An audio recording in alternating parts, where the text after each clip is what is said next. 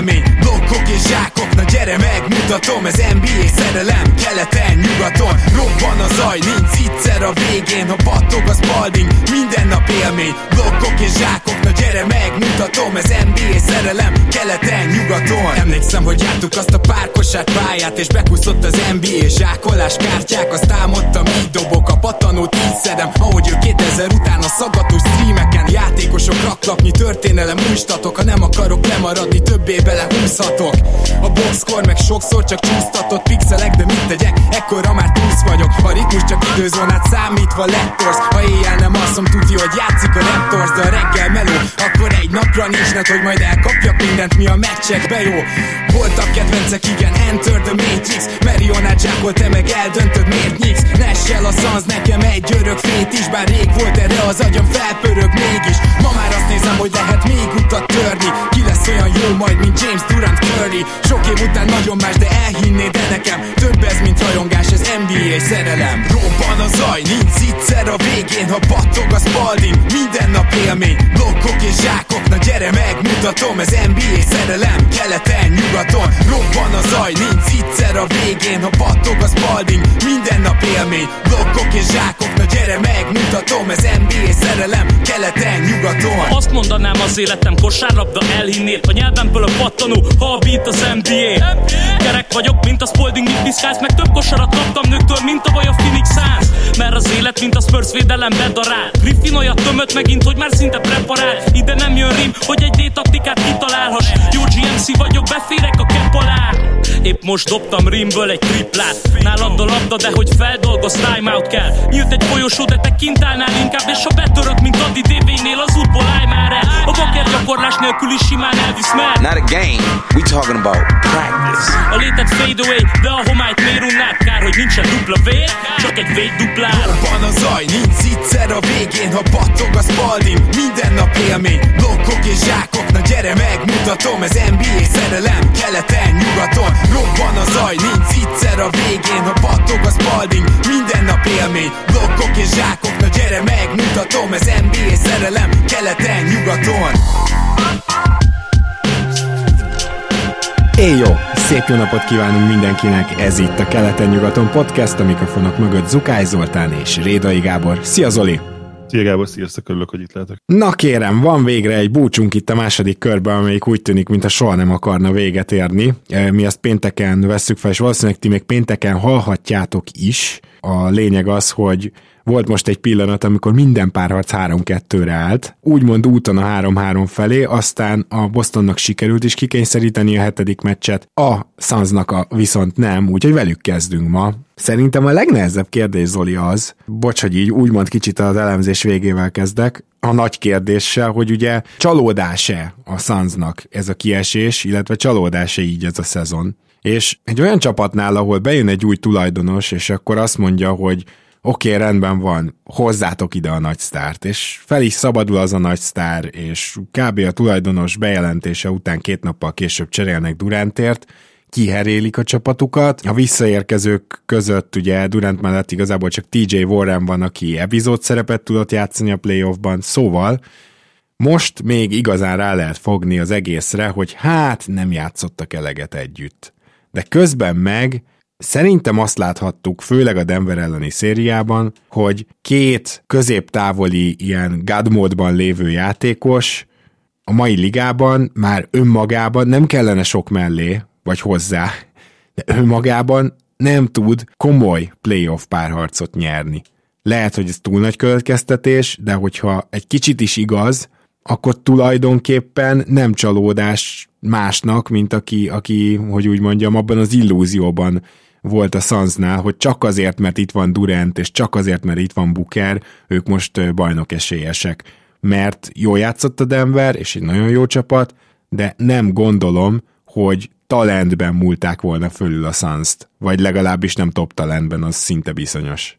Top talentben semmiképp, de ami a, a csapategységet illeti, és, a, és az együtt olajozottan mozgás működést, abban egyértelműen felülmúlták a, a suns és valamilyen szinten szerintem ezt is lehet ez várni azért. Nem emlékszem pontosan, hogy hét meccs, azt hiszem hét meccses Nuggets győzelmet tippeltem, de az elég egyértelmű volt már az elejétől, hogy, hogy lesznek olyan meccsek, ahol ez a kettő egyszerűen berak 70-et a, a közösbe, és azt ott nem tudsz, nem tudsz mit csinálni gyakorlatilag, és ez a 70 ez az egyiken 86 lett konkrétan, amit igen. Megnéztem, és valószínűleg minden idők második legtöbb pontja duótól az NBA play és az első duó, ha minden igaz, úgy jött össze, hogy abból 63-at MJ Aha. vállalt, és, és 25-öt a csapattársa, tehát, tehát ott a duó az kicsit erős, azt hiszem Woolridge. Amit most már ki lehet jelenteni a Nuggetsről, és mitől féltünk ugye az alapszakasz végén és az utolsó két hónapban? Egyrészt attól, hogy és akkor itt majd átmegyünk a Suns is, mert nyilván most a búcsú szempontjából a Suns lényeges. A Nuggets védekezése még mindig inkonzisztens, nem hisszük el őket, mint playoff performer, kicsit olyan puha csapatnak néznek ki,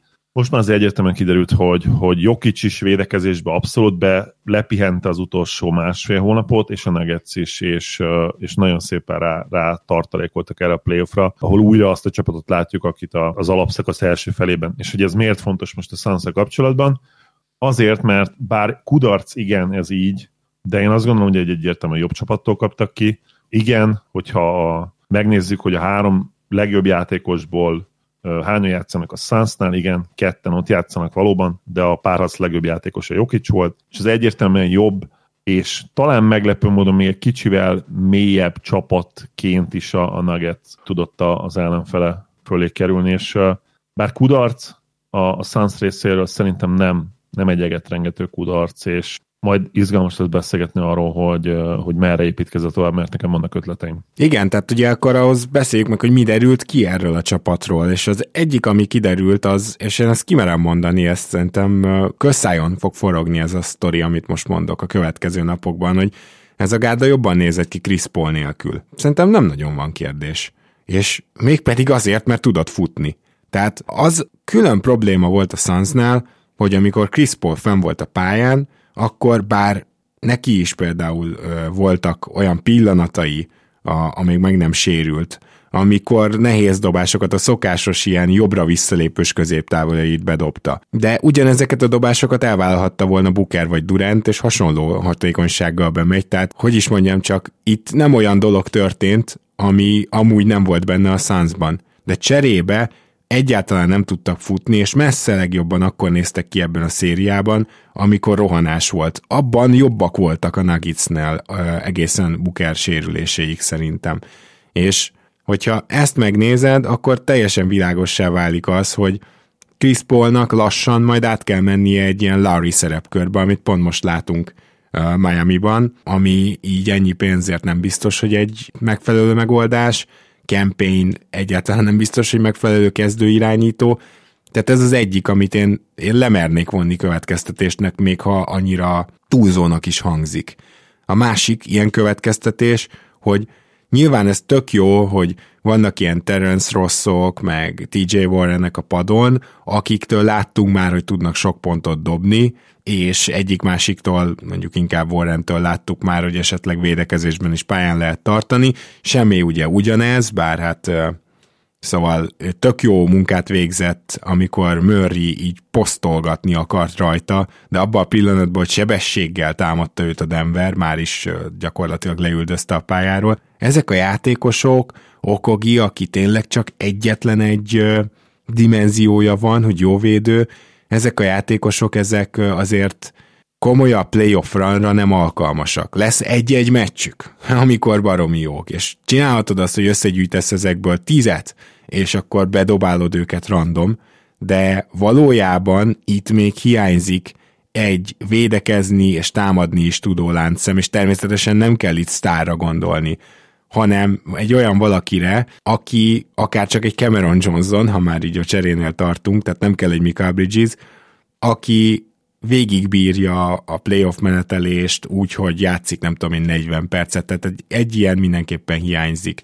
És a harmadik következtetés pedig az, hogy DeAndre Aytonra egyszerűen nem lehet számítani. Szerintem túl nagy most már a minta, hogy mást mondjunk. DeAndre Aytonnak talán még az az utolsó pillanat lesz ez a nyár, hogy még lesz, aki esetleg valamennyire bízik benne, túl nagy értéket már nem kap érte a Suns, de szerintem nem kérdés, hogy meg kell próbálni elcserélni. nem tudom, egyetértesz ezzel a három következtetéssel, és van-e még ö, bármi, ami szerinted kiderült erről a csapatról? A kettes és a hármas dologgal kapcsolatban abszolút egyetértek, és azt gondolom, hogy ez, ezzel nem is nagyon lehetne vitatkozni. Tehát legit érvet felállítani az ellen, hogy, hogy Aitonnak és a Sunsnak külön utakra kell mennie, nagyon-nagyon nehéz lenne. Tehát nyilván dédelgetheted azt az álmot, hogy Aiton majd egyszer ebben a közegben, ezen játékosok mellett agresszívebb lesz, komolyabban veszi, mentálisan megerősödik, de ha, ha erre van bárhol esély, én azt gondolom, hogy ez egy másik csapatnál yeah. lehet, ahol, ahol tiszta lappal kezdhet. És a Sunsnak is abszolút érdekel, merre tud elindulni a Suns, igazából ebbe az irányba egyedül. Mm, ahogy írtam is az admin chatünkön, egy Aiton ilyen one for two cserét kell megcélozni, vagy akár egy one for free cserét. Nem feltétlenül pikkekben kell gondolkodni, bár nyilván a Sunsnak azért jó jönne a pick, mert ugye jelen pillanatban nem sok áll ebből rendelkezésre. Na igen. Inkább kettő vagy három jó roleplayert, és szerintem egy, egy 24 éves 1 per 1 aki egyébként igen, egy csomó probléma van vele, de ugye egyébként azért egy dupla-dupla masina, bebizonyította már többször a play hogy bár komplett meccseket nem tud lehozni, támadásban domináns tud lenni. Játszott már nagyon jó csapatok ellen nagyon jól, nem kell messzebbre menni, mint a két évvel ezelőtti Nuggets párharc. Ezt akartam mondani, hogy ő már Jokic ellen is nézett Jokic ki jól. ellen is jó, nézett ki jól, pontosan. Én azt gondolom, hogy van értéke még mindig egy ilyen Raytonnak a piacon, ami biztos, hogy nem fogsz jelen pillanatban kapni már érte, és azt már úgymond eljátszottad, az a három-négy pik és jó játékos, mert korábban ez is benne lett volna a pakliban, és egyébként ebbe belejátszik nyilvánvalóan a Gobert dolog is, tehát maga az, hogy a Gobert csere úgy néz ki, ahogy most, még akkor is lerontaná Éton értékét, ha Éton egy jó sorozatot hozott volna.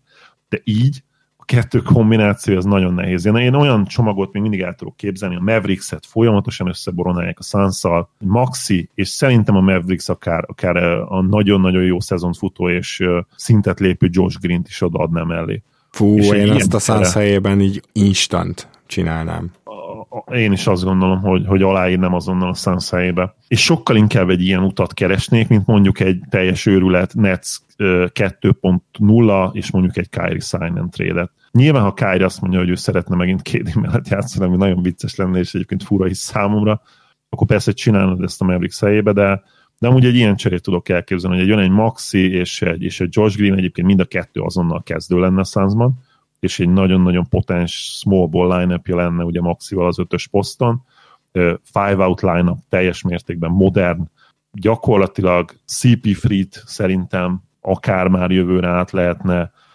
hát picit uh, Bookernek, én odanám Bookernek kezébe a labdát, ezért mondtam ezt a csere irányítós dolgot, igen. hogy ez Laurinál barom jól működik. Ez működnie igen. kell Chris Paulnál Abszolút, is. abszolút, igen, és ezt az irányt látom én is. És jövőre teljesen legit módon neki lehet menni. Tehát egy ilyen csapattal, egy ilyen éton csere után hirtelen sokkal veszélyesebb és sokkal mélyebb csapat lehet a Suns, és ráadásul azt is elérnéd, hogy CP Frieden 32 percezett az alapszakaszban. Igen, 59 meccsen játszott, kiültették sokszor, de amikor játszott, 32 percet átlagolt. Miért? Miért átlagol CP3 37 éves, vagy 38 éves most már lassan 32 percet meccsenként, nevetséges. Hát fiatal játékosok uh, volt, hogy nem játszottak ennyit. Voltak olyan fiatal sztár, sztár jelöltek, palánták, akik ilyen 29-30 percet voltak idén pályán. Például Jaren Jackson Jr. Például ő, igen. Tehát uh, nevetséges ez, ez a része. És itt nyilván kell beszélni Montiról, Monti számomra végtelenül szimpatikus ember, egy ilyen tragédia után összerakni újra az életét, ez, ez hihetetlen erőre, hihetetlen erőről van. Én nem hiszem, hogy képes lettem volna erre a helyében. Imádja mindenki, egy igazi players coach, de neki, itt is váltásra van szükség, ugyanúgy, ahogy, uh-huh. ahogy uh-huh. Padnál eljött ez a dolog, itt is egy, egy új edző. Egy új edző, és ez az Aiton csere, és szerintem egy megújult legrosszabb esetben Dark Horse, de akár igazi contender státusszal is kezdheti a Suns a következő szezon. Tehát, tehát szerintem nincsen tragédia. Igen, és Durant... különösen tudod úgy, hogy Vogel meg Nurse is kín van a piacon, szóval, hogy pontosan, pontosan. lehet, hogy most kellene valamelyikre lecsapni. És a Durant cserét meg, tudod, mikor lehet majd értékelni? Jól, Gábor, megmondom neked pontosan. Ugye még van három évig szerződés, a Durant cserét szerintem értékeljük 2025 nyarán. Még két futással adunk esélyt abszolút ennek a csapatnak. Booker fiatal, abszolút szupersztár módon játszott, most elfáradt ő is a végére nyilvánvalóan, mert 40 hát, plusz percet, ugye erre számítottunk gyakorlatilag, hogy ez fog történni, erről is beszélgetünk. Mindenki erről beszélgetett. Tehát nem Meg még... ugye volt ez a sérülése. Ami Meg a sérülése is, igen, az se azért, azért attól a pillanattól kezdve nem tudta hozni magát. Tehát ugye ez a meccs, ez a negyedik, bocsánat, az ötödik meccsen történt, és az ötödik meccsen is jól látható volt a törés. Most nem akarok semmit implikálni, mert nem tört el semmije, de a törés, ami ami megmutatta, hogy a sérülése után már nem tudott így God kapcsolni, és szerintem a hatodik meccs is erről árulkodik, csak az a bajom, hogyha, hogyha egy Booker nem sérül meg, azért akkor is valószínűleg a Nuggets jut tovább. Tehát volt egyfajta fölénye a Nuggetsnek, amit csak tényleg... Erre meccsen nagyon komoly Igen. profi mentalitással mentek, és tényleg egy olyan csapatként, aki, aki lezárja úgymond a párharcot. Ugye ez egy teljesen külön kategória. Játszhatsz jól a, a hatodik, hetedik meccsig, de, de ezek a meccsek, mint tudjuk, tényleg teljesen külön kategória, és majd ezt csodálatosan szemlélteti a, a Sixers uh, Celtics hatodik meccs, amiről beszélni fogunk. Ó, hát át is mehetünk, mert át szerintem a suns kivégeztük, és uh, igazából ilyen tennivalók vannak, de nem lehetetlen a helyzet uh, felütéssel búcsúzunk el a Suns-tól és tennivalók vannak, és egyik csapatnak sem lehetetlen a helyzet a hetedik meccsen, de közben volt egy ötödik és egy hatodik mérkőzés, és én azt gondolom, hogy a playoff két talán, nem merem azt mondani, hogy legmagasabb színvonalú, de két elképesztően magas színvonalú meccsét láttuk, ahol a csapatok nem dobtak igazán jól, főleg ugye a Boston főleg az első, az ötödik meccsen, és aztán most a hatodikon egyik sem dobott kifejezetten jól, de mind a védekezés, mind a támadás felépítése, mind a két gárdánál azt mondatja velem, hogy, hogy most kicsit megdolgoztak azért a hírnévére a csapatok, hogy azt mondtuk mi is, és többen is, hogy ez esetleg maga a bajnoki döntő. Én, én nagyon élvezem ezt a párharcot, és a Philadelphia különösen űrkosárlabdát játszott az ötödik meccsen, tehát én azt majd, hogy nem a playoff eddigi legjobb teljesítményének mondanám, ismerve azt, hogy milyen ellenfél ellen tették. Viszont hat mérkőzésnél járunk, és jön egy hetedik. Van valami új, amit elmondott neked ez a, ez a két meccs? Mert azért azt gondolom, hogy egy dolog mindenképpen, hogy az MVP Embiid, az bizony mostanra visszatért. Sok nem mondtál. Nagy részével egyetértek, de azért több mindennel egyértelműen nem hogy ha színvonalról beszélünk, az ugye először is határozzuk meg, hogy mi az a színvonal. Hogyha védekező színvonalról beszélünk, és védekező gameplanről, akkor egyetértek azzal, hogy itt ez a hatodik meccs, ez talán a legmagasabb színvonalú playoff meccs volt eddig idén, mert ahogy a Celtics strukturális váltás után konkrétan, tehát igazi gameplan váltás után, ahogy kijött és védekezett ezen a meccsen, az elképesztő volt. A Sixers is, én azt gondolom, hogy ezt meccselt a védő oldalon, igen. Nem lehet arról beszélni, hogy, hogy azért dobtak magasan, ugye Fili magasan 100 pont alatt, de a Celtics is 100 pontot ezen a meccsen, mert nem mentek be azok a nagyon könnyű dobások. Voltak üres dobások, minden meccsen vannak, és igen, érezte mind a két csapat a tétet, de ahol, ahol a tervszerűség és a, és a kereteknek a, főleg a, főleg a Celtics, azt gondolom, a keretek erőssége kijött, az egyértelműen a védekezés volt, és uh, ahol, ahol nem értek viszont egyet veled, hogy uh, a Filinél abszolút elhagyták azt, ami működött, és az utolsó hat percben Állókosárlabda lett ebben, igazad van. Igen, állókosárlabda és pánikdobások, és, és hős, túl sokan akartak hő, hős, hőssé válni. Nagyon, ott nagyon sok hülye dobást elengedett a Sixers, és ezt mindig ilyenkor, tudjátok, nehéz, nehéz lemérni pontosan, hogy nyilván ebben benne volt a Celtics, Celtics védekezése, de ha valahogy benne volt, én akkor inkább azt mondanám, hogy a meccs 80%-ában elég jó volt ahhoz a Celtics védekezés, hogy mentálisan is kicsit megtörje a Filit. És nem csak feltétlenül sematikusan jöttek ezek a védekezések, és nem feltétlenül csak úgy erő, erőltette rá a, a Sixers-re az akaratát a végén a, a Celtics, hanem, hanem egyszerűen már tényleg Harden is és Embiid is úgy gondolt, hogy na, nekik itt valamit, tényleg, ahogy te szoktad mondani, Gábor, vizet kell facsarni a kőből és ebből jöttek a nagyon hülye Embiid turnoverek, és ebből jöttek a kihagyott Harden dobások. Harden megint hihetetlen, hogy mekkora, uh, hogy szokták ezt mondani, ez a teri, fordított... Terített betli? Terített, terített betli, igen, de amikor van ez a felemás minta, tudod, ez a, nem jut eszembe mindegy, tehát hogy mennyire felemás ebbe a párharcba. Igen. Tényleg MVP meccseket követi, a Hardennek már Kínában kéne játszani a mérkőzést. Tehát igen, igen, igen, egyébként az egy sima, egy fordítottra gondoltál. Arra gondoltam. Igen, igen. Én először is az ötödik mérkőzésről azért tényleg külön meg kell emlékeznünk, és majd az egyik mondatodra is visszautalnék.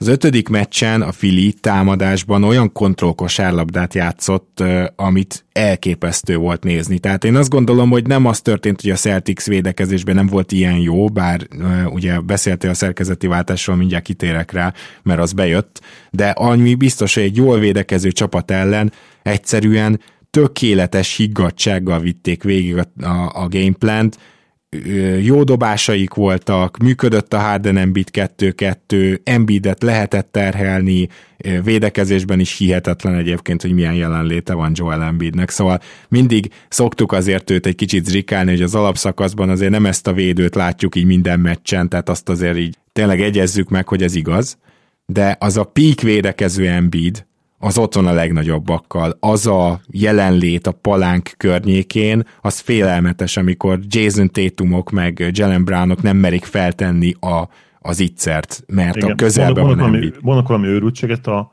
a legjobb Embiid az nincs messze Hakim, Hakimtól. Igen. Csak sokkal kevesebb meccsen tudja kirakni, értető okokból. Tehát nyilvánvaló, hogyha ha minden meccsen így menne, akkor tíz meccs után kidőlne, ha nem a szezonra, de mit tudom, hát igen. hónapra. Tehát, Hát az, hogy esélytelen, és főleg a mai NBA-ben esélytelen. Főleg a, 90-es években lehet, hogy másképp lenne. Persze, tehát ott azért nem kellett egy centernek ennyit mozognia, mint itt. Még, még azzal együtt is, hogy Embiid is azért szeret droppolni, és szeret nagyon odafigyelni a palánk alatti területre, de ez az űrkosárlabda, ez két okból nem tartott ki a hatodik meccsre. Az egyik az volt, amit mondtál, hogy elhagyták, ami működött, és ez pedig a, a Harden Embiid pick and roll, amit sokkal kevesebbet vettek elő.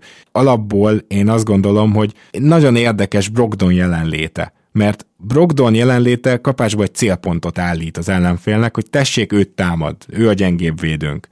És ez nem mindig olyan jó taktika, főleg nem egy egész meccsen át. Persze Persze például ez is nagyon jól bejött az ötödik meccsen, és széttámadták Brogdont, de amikor mondjuk Harden az éppen fordított üzemmódban van, nem a simában, és Maxi pedig Hát igen, ez is kérdés. Tehát Maxin látszik, hogy egy, egy nagyon jó hatodik ember. Tehát nem azt akarom mondani, ezt, hogy nem... Ezt akartam, ezt a témát akartam nem megfogni. A, igen, igen, csak hogy nem azt akarom mondani, hogy nem érdemli meg a helyét a kezdőben, csak hogy milyen típusú játékos, arról beszélek, és egyszerűen őnek is ezek a bevetődő zicserei, hogyha bemegy, akkor jó, hogyha nem, akkor 5 a 4-ben támad a Boston. Szóval, és, és bocsáss meg, még csak hagyd fejezem be a gondolatot. Azt akarom mondani, hogy a másik és fontos ö, módosítás az az volt, hogy hogy ugye Robert Williams bekerült a kezdőbe, és Horforddal együtt, és így Horford tudta fogni Embidet, és Robert Williams tudta nem fogni Tuckert, és azért Tuckertől láttunk már olyat, hogy akkor az öt ö,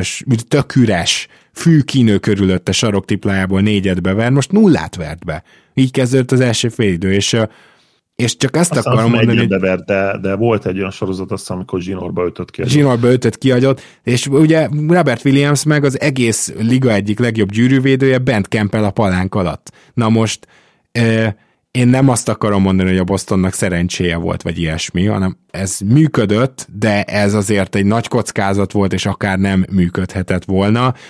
Minden esetre működött itt a hatodik meccsen, és nem tudom, hogy a hetedik meccsen a Fili kijön-e ugyanígy, vagy kevesebb takát látunk majd, nagyon kíváncsi leszek. Nyilván beszélnünk kell majd, majd Tobias harris is, aki szerencsétlen helyzetben van, mert nem ő kérte ezt a 37 milliót, hanem megadták neki. Nem az ő döntése volt, hogy ő maradjon a Sixersnél, de minden, minden olyan gyenge meccs után előveszik, ami potenciálisan párharc eldöntő lehet.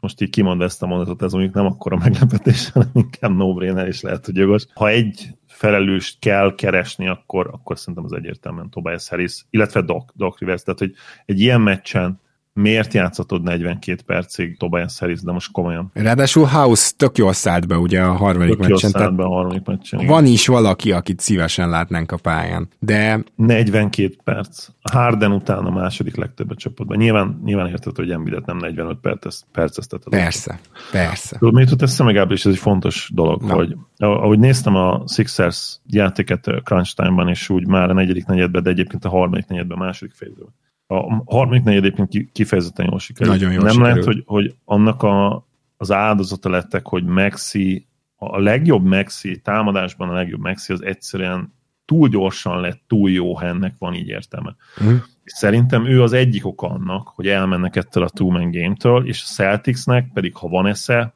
örömmel fogja azt mondani egy, egy esetleges hetedik meccsen is, hogy oké, okay, figyelj, Nézzük meg, hogy Maxi megvere minket. dobjál 40 pontot. Mhm.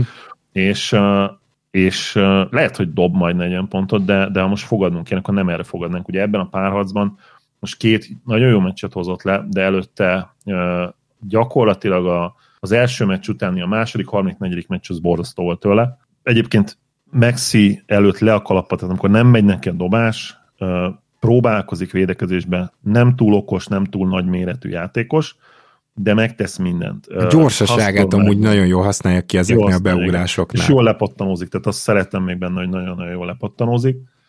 Ez egy fontos és, és talán alulértékelt készség is, de pont ebben a veszélyes korban van, hogy, hogy ő belőle lehet, hogy lehet sztár, megnézzük. Tudod, már annyira bíznak benne a csapatársak is, meg Dok is, meg mindenki, meg Embiid is és Harden is, hogy úgy vannak vele, hogy ha üresen marad, dobja, dobjál a 40-et, tudod, ezt szokták mantázni egymásnak, hogy üresen vagy rádobod azonnal, nem is izé jöhetsz be az öltözőbe, ha nem dobod rá, kötelező rádobnod, és nem vagyok benne biztos, hogy ez a párharc szempontjából egy ilyen ellenfél ellen jó.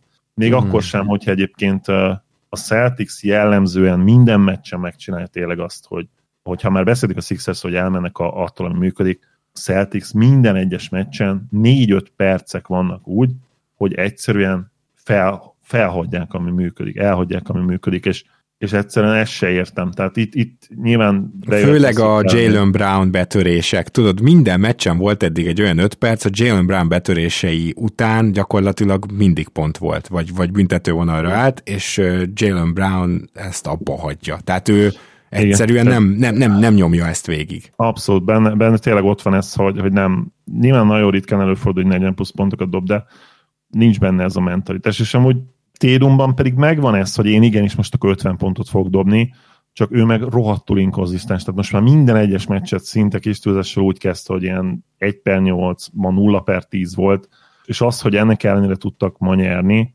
úgyhogy egyébként a labdára se tudnak vigyázni, tehát uh, 19? játékok, Eladott labda, azt hiszem, vagy és 18. Sok hányzó játékok van, tehát nem arról van szó, hogy nagy kockázatú játékokat hívnak, hanem, hanem sok egy-egyezés, ugye?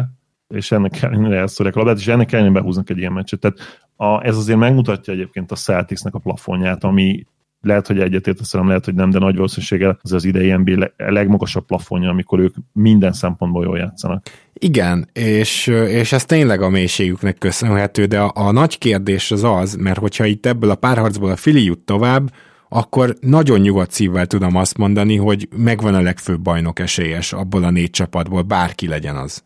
Szerintem akkor, akkor azért tudom ezt mondani, mert Embiidről elhiszem, hogy minden szériában akár a legjobb játékos tud lenni. A Filinek támadásban és védekezésben is megvannak a fegyverei, hogy elit legyen és, és gyakorlatilag talán csak a Denver az, amelyik, ha nem is meccseli ez, de, de hogy amelyik közel van, az eddigiek alapján mondom, aztán lehet, hogy érted, jön egy olyan matchup, vagy jön egy olyan ö, ö, szenárió, ami miatt egyik csapat sem jut döntőbe, tehát, hogy nem akarok én most itt végleges következtetéseket mondani, csak ha mondjuk pisztolyt szorítanának a fejemhez, akkor, akkor és A- muszáj igen, sorrendbe rakni, ez- akkor ezt mondanám. Igen. Azt akarod ezzel mondani, nyilván, és amúgy nem is nagyon tudok azzal vitatkozni, nyilván két dolog van, ugye, hogy, hogy kelet erősebb, tehát ez, ez az egyik része a mondandónak, ilyen ki nem mondott háttér igazság, a másik pedig az, hogy, hogy, hogy ez a legerősebb párharc, úgymond az eddigiek közül, és valószínűleg lehet, hogy az egész play ban Na igen, és, és de várjál, Zoli. lehetséges, igen. De várjál, mert azt akarom mondani, hogy viszont a Boston jut tovább, akkor folyamatosan még továbbra is az jár majd az eszembe, hogy lehet-e igazi első opció nélkül, tehát klasszikus, top Mhm. 5-ös első opció nélkül, teljesen nyilvánvaló, hogy a Celtics hiány van ennek. Teljesen nyilvánvaló. Igen, igen, És ez nem kritika Brown meg Tatum felé. Abszolút, mind a ketten rohadt jó játékosok, Tatum top 10-es játékos, Brown top 20-as játékos, vagy top 25-ös, de a playoffba ő inkább előrébb lépett, ugye. Tehát, hogy nem kritika feléjük, csak, csak hogy lehet-e csak az ilyen, ilyetén mélységre alapozva, ugye bajnok egy csapat, erre egészen addig nem tudunk válaszolni, amíg meg nem történik. Mert elhisszük, elhisszük, hogy lehet, de aztán lehet, hogy mondjuk öt próbálkozás után meg azt mondja, ja, basszus, nem lehet. Tehát, hogy... A, uh, igen. a lakers szerintem abszolút, tehát a, bármint, nyilván bárki ellen van esély a Celticsnek, nyilvánvaló, sőt, szerintem legrosszabb esetben 50-50-ről indulnának egy döntőben, de inkább én őket favorizálnám. De egy Lakers szerint meccsabban szerintem konkrétan lenne arra esély, hogy mert, és nyilván azért, mert LeBron nincs élete formájában sérülés óta, AD nagyon jó, de AD is olyan hajlamos kicsit arra, mint, mint Harden eddig ebbe a play uh-huh. bár ugye védekezésben konzisztens. És ott talán elképzelhető lenne az, hogy, hogy mondjuk a, a hét meccs, mondjuk hat meccses párharcból van négy-öt olyan meccs, ahol, ahol a legjobb játékos azon az estén a Celticsnél van, és ez mondjuk abban szinte biztosak lehetünk, hogy ez például egy nem lenne így. Aha, igen, igen, igen. De na, nyilván ezért, ezért nagyon jó az idei NBA egyébként, mert hát kiismerhetetlen. van, tehát Igen. most is gondolkodsz a meccsapokon, ki lenne jó Nuggetsnek, látod ez a Celtics uh, Sixers párharc is, hogy azt mondanánk, hogy hát ezek után a Celtics hetedik meccsen, de de nincs rá semmi garancia, mert nem, ők semmi. tényleg mutattak olyan, olyan negatív dolgokat, ami miatt, ami miatt bennünk van az, hogy, hogy igenis, amellett, hogy a Sixers nagyon erős tud lenni idegen, hogy a két meccset már elhoztak, a Celticsben benne vannak ezek a nagyon fura, számomra kicsit megmagyarázhatatlan üres járatok. És, Igen. és a védekezésük, tehát arról is beszélünk egy kicsit, hogy hogy lehoznak egy ilyen védőmeccset, de például a Hawks ellen a második meccsen mi volt? Tehát a, a Hawks ellen a második meccsen konkrétan a defensív ratingjük az a liga legrosszabbja lett volna átlagosan az teljes alapszakaszra, ha azt felszorzott. Hát sőt, a az a durva, hogy a jó kezdés után az egész szériát nézve is egy ilyen középrossz lett a vége, tehát hogy ott, ott az egész szériába végül alig tudtak védekezni. Ö, ebben is igazad van, és akkor még, még, még ne is írjuk le a Miami Heat-et, már mint értem, hogy a Celtics Igen. lesz az egyértelmű esélyes, de ott is a legjobb, most direkt így fogalmazok, ott is a legjobb Igen. playoff játékos a Boston Heat összecsapáson a Heatnél lenne. A legjobb playoff játékos. Igen, igen. Ed, eddig igen, úgy néz ki, igen. Bár, bár ugye Jimmy is kicsit sérült sajnos, tehát... Igen, a... de azért, azért Jimmy, én úgy látom, hogy kezd visszajönni, tehát azért az a bokarándulás, hogyha ott nem igen, szakadt részlegesen a szalag. Meg most azért volt megint azért most megint két napos már én arra számítok, hogy még egy kicsit jobban fog kinézni most a hatodik meccsen. Beszéljünk erről, mert nyugodtan átnyergelhetünk erre a párharcra. Számodra is óriási meglepetés lenne, hogyha hazai pályán ezt nem húzná be a Miami. Igen, azért lenne meglepetés, mert tényleg most ez nem azért, hogy vállon, vereges, vállon veregessem magunkat, de, de, de tudtuk, hogy kb. így nyerhet csak meccset, a, a, legalábbis ezt a hatodik meccset, ötödik meccset a, a Knicks, hogyha Jalen Brunsonnak van egy hatalmas meccsén, ugye azt hiszem 40 plusz pontot mondtam, talán 45-öt, 38 végül is elég volt. De tényleg ez az egyetlen forgatókönyv volt egy, egy, egy olyan csapat számára, amelyiknek a, a shooting számai teljes mértékben lefelé tendáltak, amelyikről gyakorlatilag szerintem most már ki lehet jelenteni, hogy a play ebben a play legalábbis nem egy jó shooting csapat, és nem lesznek olyan mérkőzések, amik, amiket a shootinggal úgymond meg tudnak nyerni. Fogalmazunk egy kicsit keményebben, egy olyan csapat, amelyiknek az alapszakasz támadása nem átültethető a playoffra. Nyugodtan mondjuk igen, ki, mert szerintem igen, ez, igen, igen. ezen a ponton ez tény. Köszönöm, hogy ezt igen kimondtad helyettem. Egyébként érdekes a hit is, tehát hogy a, a Heat is, mint triplázó csapat, hogy mennyire rohadtul inkonzisztens, megint lehoztak egy 30%-os meccset azok után, ugye, hogy az első körben mindent behoztak, most már ők is teljesen lefelé tendálnak a második, második Visszaszálltak, visszaszálltak, visszaszálltak a földre. Az a, a probléma, hogy közben Spostra olyan védekezést rak ki folyamatosan, és támadásban is megtalálják a triplán kívül is azokat a lehetőségeket, amikből összecsipegethetik a pontokat. Ez tényleg nem a, a látványosan játszó show basketball, tehát, hogy nem erről van szó, de hogy, hogy hihetetlen, hogy milyen kontroll alatt tartja a meccseket a hit. Még azokat is, amin veszít.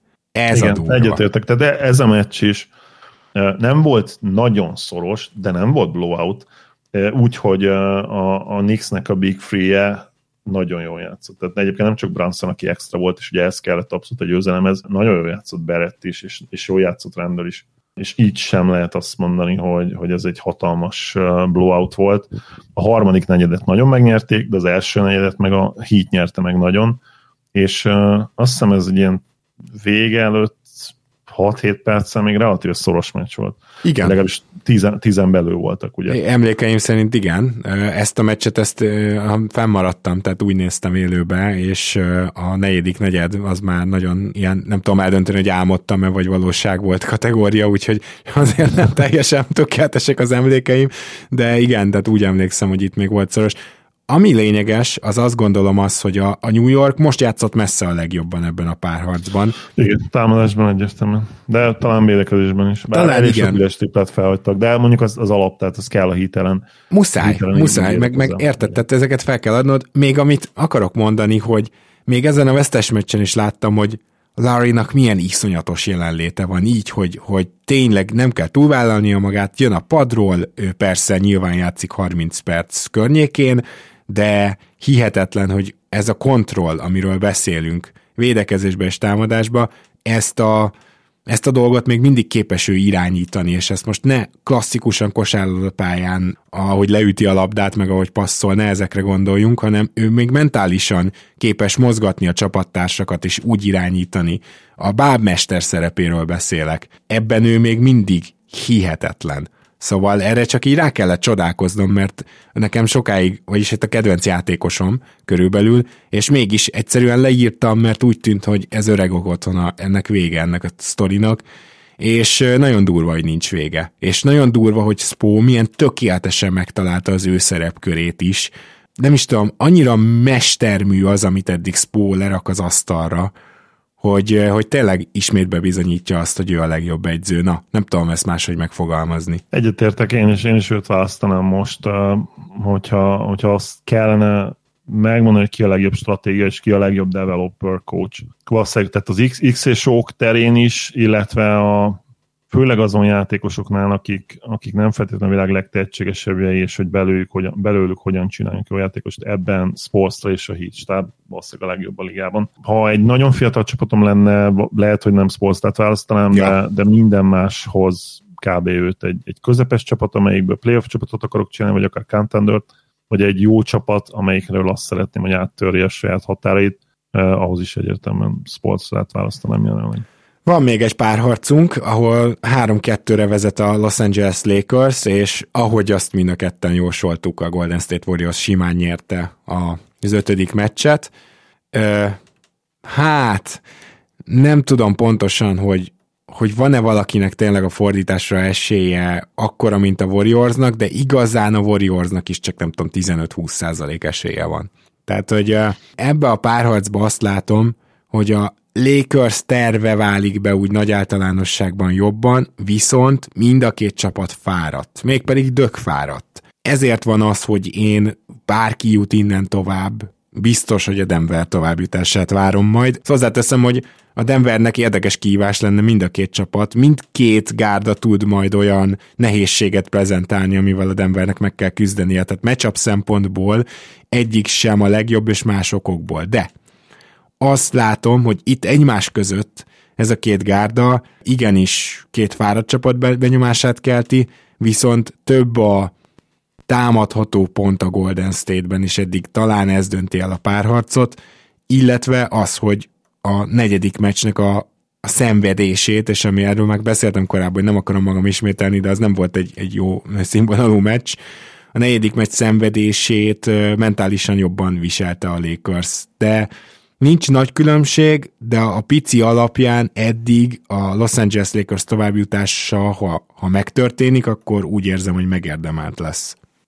Ja, igen, tehát az, az, én, is, én is azt gondolom, hogy ez nem kérdés eddig, hogy a saját magukhoz képest a Lakers jobban teljesít. A Warriorsnak több olyan üres járata volt, ami korábban rájuk nem igazán volt jellemző, legalábbis nem, nem ilyen szinten Jött egy Draymond, egy szenzációs Draymond meccs. Nem Igen. azt mondom, hogy semmiből, mert a második meccsen nagyon jól játszott, de, de hát szerintem senki nem számított tőle egy ilyen 20 pontos dupla-duplára. Egészen elképesztő volt, és ugye még sikerült is, azt hiszem neki, ő, ő, neki sikerült kimásnak pofán verni Anthony Davis-t, ugye? Igen. Igen, a, és e, e, ezek mindig sokat érnek a Warriorsnak, mert Draymondot mindenki e, utolsó gondolatként fogja, tehát hogy ha, ha már nagyon zicsert akar dobni, akkor, akkor oda mennek a környékére, de... Emlékszel a Game 7-re a 16-os döntőben? Ó, igen. Milyen meccset hozott le Ó, akkor igen. is? Nem rajtam múlott, hogy ott, hogy ott nem lett uh, Warriors siker végül. Gedei Tibi barátommal beszéltem, mondta, hogy most tényleg bízik a Game 6 Clay-ben, akkor is, hogyha tudja, hogy ez egy nem egy feltétlenül valós jelenség, azért mert kétszer vagy háromszor megtörtént. Igen, de... Igen. de ahogy megtörtént, és amilyen meccseken, amekkora meccseken, az igazi, tehát uh, ugye szokták mondani, ez a fake it till you make it, tehát hogy annyira elhiszed magadról, nyilván az nem egy rossz kezdés, hogyha hogyha hihetetlen nagyon bizalommal jön ki a parketre, kivéve persze, hogyha rosszul mindenkivel, akkor valószínűleg folytatni fogja a rossz játékot, mert nincs nagyon B opciója a Warriorsnak abban a szempontból, hogy nyilván Clay és Steph minden, minden meccsen rá fognak dobni 20 triplát. Igen, csak eh, tényleg az probléma, hogy amíg Stephnél elnézed a rohadt nehéz triplát, Claynél egyre kevésbé. Tehát ö, a, tudom, hogy be tudja dobni, meg láttuk már, de, de mi lenne, hogyha megpróbálna egy picit jobban a játék ritmusában maradni, Szóval én Clay-től ezeket a hős kísérleteket inkább elvenném. De aztán meg az a baj, hogy, hogy már így is nagyon egy személyes csapat támadásban a Golden State Warriors. Szóval igen, mit pool, tudsz csinálni? Igen, igen ja, pool, pool nélkül, sőt, hát lassan hogy pool nélkül jobb lenne. Igen, hát ez, ez a pool ki jelen pillanatban. És uh, én egyébként tényleg nem értem, hogy, hogy az a játékos, akit tavaly láttunk, a Denver ellen. Az, én értem, hogy ez egy másik Denver volt, meg nem volt perimétervédelem, meg ér, értem, hogy ez egy másik légkez, de itt is azért vannak basszus perimétervédők, akiket lehetne támadni. Ja. Egy mindenképp. Hát egy és, mindenképp, ugye D'Angelo. Egyébként igen, me- meglepően jól védekezik, de igen, van egy olyan jól. pont, ami, ahol ő már elfogy. Igen, és egyébként a Clay-re visszatérve, hát igen, eddig ebben a párharcban ugye öt mérkőzésből lett egy, ami tényleg nagyon jó volt, ugye a második mérkőzés, ahol 31 perc, 30 pontot dobott, 8 per 11 tripla, szenzációs volt, viszont érvehetsz amellett, hogy a, a másik négy az minimum közepes, de inkább, inkább a rossz felé tendál. Nem is pocsék, de, de rossz, kevés, tehát tőle ez Hát meg érted, a régi Clay, a régi Clay ilyenkor még hozzátett védekezésben extrákat, de hát ez a Clay az már nem. Így van, így van. És jó, persze ezt, ezt mindig elmondjuk értető a két, két legsúlyosabb kosárlabda sérülés után, ami ugye neki kombinációba jött. Arról nem beszél, hogy már addig a két sérülésig neki 28 éves koráig mennyi kilométer volt a lábában. Uh-huh. Nem, nyilván nem, nem is véletlenül jöttek ezek a, ezek a sérülések. Nem, nem is őt szídva mondom ezt, csak azt, persze, hogy persze. most jelenleg ez a helyzet, hogy ő már védekezésben nem pluszos, hogy, Igen. hogy így a jelenlétét érezd. Draymond Green összességében is szerintem szenzációs szériát fut, szóval az, hogy ő tényleg egytől ötig mindenkin elit opció, és még emellé gyűrű védésben, és tényleg mindenben be tud segíteni. Nem véletlen az, hogy őt még mindig top 3-ba soroltuk, amikor felsoroltuk a legjobb védőket. Egyébként a mai meccs szerintem nyilván a legjobb játékosok teljesítménye mellett, amit nem kell kiemelni, ez mindig evidencia. Az is fogja eldönteni, hogy, hogy a, hogy a Hachimura, Russell, Vanderbilt és vagy Walker, vagy, vagy még valaki, meg nyilván Reeves. De ebből az ötösből tudnak-e ketten jól játszani? Igen, a, kéne az a, a Lakersnek. A, a tegnapi meccsen ez nem sikerült abszolút. Tehát gyakorlatilag nem volt egyetlen egy konzisztens játékos sem a Lakers sztárjain kívül. Mindegy igazából számukra, hogy az Hachimura lesz, Reeves, vagy akár Schröder, vagy, vagy, vagy akár Walker, bár nyilván Walker kétszer lehozni egy ilyen meccset, arra azért valami kevés esély van. kemény lenne, igen. Vagy D'Angelo, mindegy. D'Angelo-nak is ugye volt egy jó meccset, tehát még ez a Lakers, de de azért sose tudod, hogy kitől jön az a jó teljesítmény. Abszolút, itt nincs olyan, hogy itt van valaki harmadik számú, aki előlép rendszeresen második számúba, ha kell, tehát ez nem, szó nincsen erről, igen. Lutri, abszolút, és hát most valakinek megint, valakit ki kell dobni a, a szerencsekeréknek, mert ha nem dob ki senkit, akkor, akkor lehet, hogy Game 7. Az nagyon kemény lenne. Lehet megérni egy külön podcastet, de a következőnek csak lehet megpróbálunk hétfőn jelentkezni, hogyha össze tudjuk hozni. Azért mi se vagyunk teljesen időmilliómosok, de lehet, hogy a következő hét elején kétszer is jelentkezünk. Ezt majd átbeszéljük, Zoli, minden esetre nagyon szépen köszönöm, hogy ma itt végigvetted velem a párarcokat, meg hát elbúcsúztunk ettől a Suns-tól, úgyhogy a következő adásokban aztán nagyobb vagy több búcsú is lesz, az most már tényleg garantált, mert már sose akar véget érni ez a második kör, egyszer kénytelen lesz. Egyrészt örülök, hogy itt lettem. Nagyon-nagyon várom nyilván a Game 7 a, a Celtics uh, 76ersnél, és kicsit titkon bízom abban, megmondom őszintén, hogy itt is Game 7 lesz a Warriors Lakersnél. Az egy nagyon-nagyon érdekes uh, hetedik meccs lehetne abból a szempontból, hogy, hogy, uh, hogy LeBron és AD-t idegenben nagyon megnézni ezen a ponton, hogy mit tudnak csinálni a Chase, Chase-ben. A, a Knicks Heatben nem bízom, és nyilván ebben az is bennem, hogy az a legkevésbé úgymond ilyen érdekfeszítő párharc ezek közül. Számomra legalábbis biztos, hogy voltak, akik számára egyébként a Nugget Suns volt az, már ott azért ugye több sztár volt. Mindenesetre nagyon jó az a playoff eddig, szerintem egy szavunk nem lehet relatíve kiszámíthatatlan is, de legalábbis semmiképpen nem unalmas, és nagyon sok jó edzői húzást láttunk, úgyhogy nagyon kíváncsi leszek, hogy, hogy ezekre az esetleges hetedik meccsekre ki tud még mit kitalálni. Azt szokták mondani, hogy, hogy ilyenkor már nincsen nincs meglepetés. csapat előtt, nincs Igen. meglepetés, de, de meglátjuk, hogy ez tényleg így lesz. Örülök, hogy itt lettem még egyszer. Szia Gábor, sziasztok! Kedves hallgatók, tartsatok tehát velünk, jövő hét elején jelentkezünk, ha lehet, akkor többször, és akkor már kénytelen, kelletlen beharangozzuk a konferencia döntőket, illetve tovább búcsúzkodunk majd csapatoktól. Addig is minden jót kívánunk nektek, és támogassatok Patreonon, hogyha megtehetitek. Köszi szépen, nagy pacsi érte, sziasztok!